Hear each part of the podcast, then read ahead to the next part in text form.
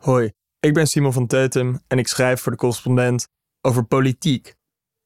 Deze week gaat het over het verkiezingsprogramma van de VVD. Daar komt ie. De VVD heeft haar verkiezingsprogramma onthuld. Met als uitgesproken hoofdthema immigratie en asiel. Ruimte geven, grenzen stellen, luidt de slogan van het manifest. Gepresenteerd door de nieuwe lijsttrekker Dylan Jezilgus. Ruimte geven, zoals het een ware liberaal betaamt. Maar die grenzen, voor wie zijn die bedoeld? Gezien het hoofdthema voor immigranten. Maar lang niet voor alle immigranten, want meer dan de helft van alle nieuwkomers sinds 2010 is geboren binnen de Europese Unie. En een van de basisprincipes van de EU is dat we hier allemaal overal mogen wonen, werken en vakantie vieren, zonder gedoe. Het gaat dus om de rest, en om één groep in het bijzonder. Wie de immigratieplannen van de VVD leest, ziet dat 25 voorstellen uitsluitend over asielzoekers gaan. Een greep uit de plannen van Jezielkes. Opvang voor kansarmen wordt versoberd. Oftewel, faciliteiten worden nog slechter en meer gesloten om mensen af te schrikken. De bewijslast wordt omgedraaid. Het IND hoeft niet meer te bewijzen dat iemand geen recht heeft om hier te blijven. Nee, de bewijslast ligt nu bij de asielzoeker. Telefoons worden uitgelezen aan het begin van de asielprocedure. In artikel 10 van de Grondwet staat dat iedereen recht heeft op eerbiediging van zijn of haar persoonlijke levenssfeer. Maar niet als je op de vlucht bent. En als klap op de vuurpijl, alle asielvergunningen worden tijdelijk.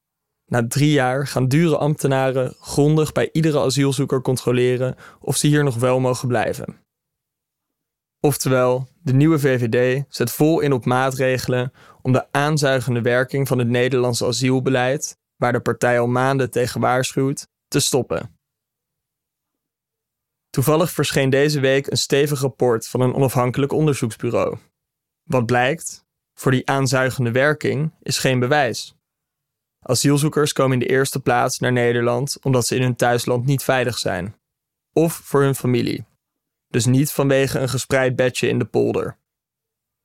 Anders gezegd, de VVD gaat de verkiezingen in met een spookverhaal als epicentrum van het programma. O ironie. Het onderzoek in kwestie werd uitgevoerd in opdracht van het ministerie van Justitie en Veiligheid. Onder leiding van demissionair minister Dylan Jezielgus. Zelfs nu de wetenschap haar voorgevoel niet onderschrijft, houdt Jezielgus in de media voet bij stuk. De VVD besteedt in haar programma meer aandacht aan die asielzoekers dan aan alle andere vormen van migratie bij elkaar. Volgens de partij zou dit ons de broodnodige grip op migratie geven. Laat ik dat verhaal zo positief mogelijk duiden. Als het speerpunt van het VVD-programma bestaat uit een hele rits maatregelen om een onbewezen fenomeen aan te pakken, dan moet die groep asielzoekers wel heel groot zijn. Maar ook dat is niet waar. Dit simpele feit sneeuwt vaak onder in discussies over migratie. Veruit de meeste immigranten zijn geen asielzoekers. In de afgelopen tien jaar namen asielzoekers en nareizigers amper 13% van het totale immigratiecijfer voor hun rekening. In andere woorden, minder dan 1 op de 7 immigranten was asielzoeker of nareiziger. Ook die nareizigers worden flink aangepakt in de plannen van de VVD. Zij zorgen elk jaar voor een schamele 0,06% toename in de Nederlandse bevolking. En toch, nareis op nareis op nareis, beweerde Jezielgus onlangs aan tafel bij op 1. Niemand die de feiten paraat had om haar tegen te spreken. Ik bespeur een patroon. Deze week zei Jezielkus eveneens dat het asielbeleid van afgelopen jaren ervoor zorgt dat Nederland aantrekkelijker was voor vluchtelingen om naartoe te komen dan andere Europese landen. Opnieuw, larikoek.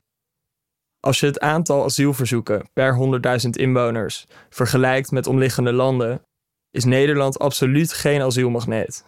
Zo ontvangt Frankrijk al jaren meer asielzoekers per 100.000 inwoners. Duitsland ook. België ontvangt er ruim anderhalf keer zoveel. Kortom, in het beste geval krijgen we met al deze ideeën, het fonkelende middelpunt van het VVD-programma, die 13% misschien wel naar 10%. En dat noemen we grip op migratie. Alsof de vrijheid van verkeer personen in de EU niet bestaat.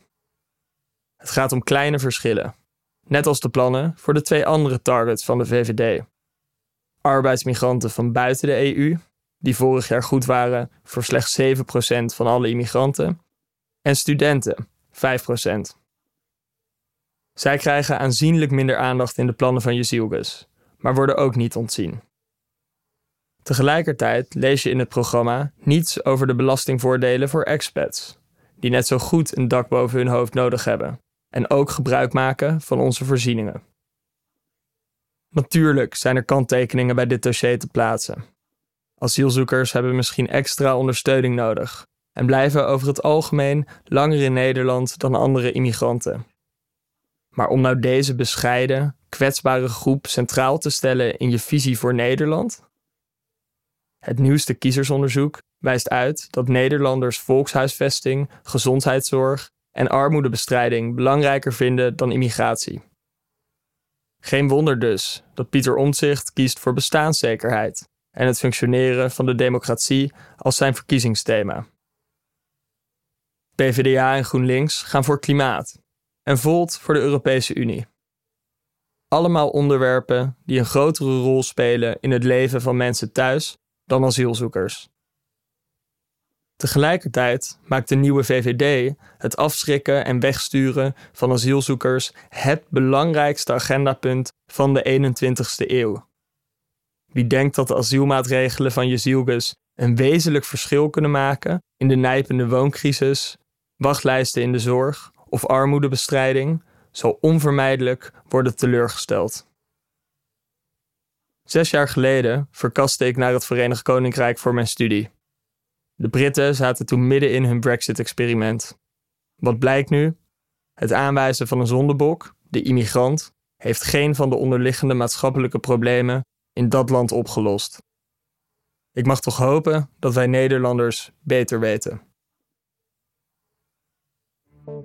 Het is de missie van de correspondent om voorbij de waan van de dag te gaan. Onze correspondenten voorzien het nieuws van context en schrijven over de grote thema's van deze tijd. De correspondent geeft me de vrijheid om mijn nieuwsgierigheid te volgen en de tijd om verhalen te schrijven. En zo probeer ik onzichtbare structuren zichtbaar te maken en een andere kijk te bieden op debatten die het nieuws domineren. Dan gaat het minder over het spelletje en veel meer over wat er op het spel staat. Vanaf dag 1 zijn onze artikelen, boeken en podcasts gefinancierd door onze leden. Volg ons op onze journalistieke zoektocht. Overweeg eens lid te worden van de correspondent. En maak daarmee samen met ruim 70.000 anderen onze onafhankelijke journalistiek mogelijk. Dus word lid van de correspondent. Ja. Word lid. Word lid.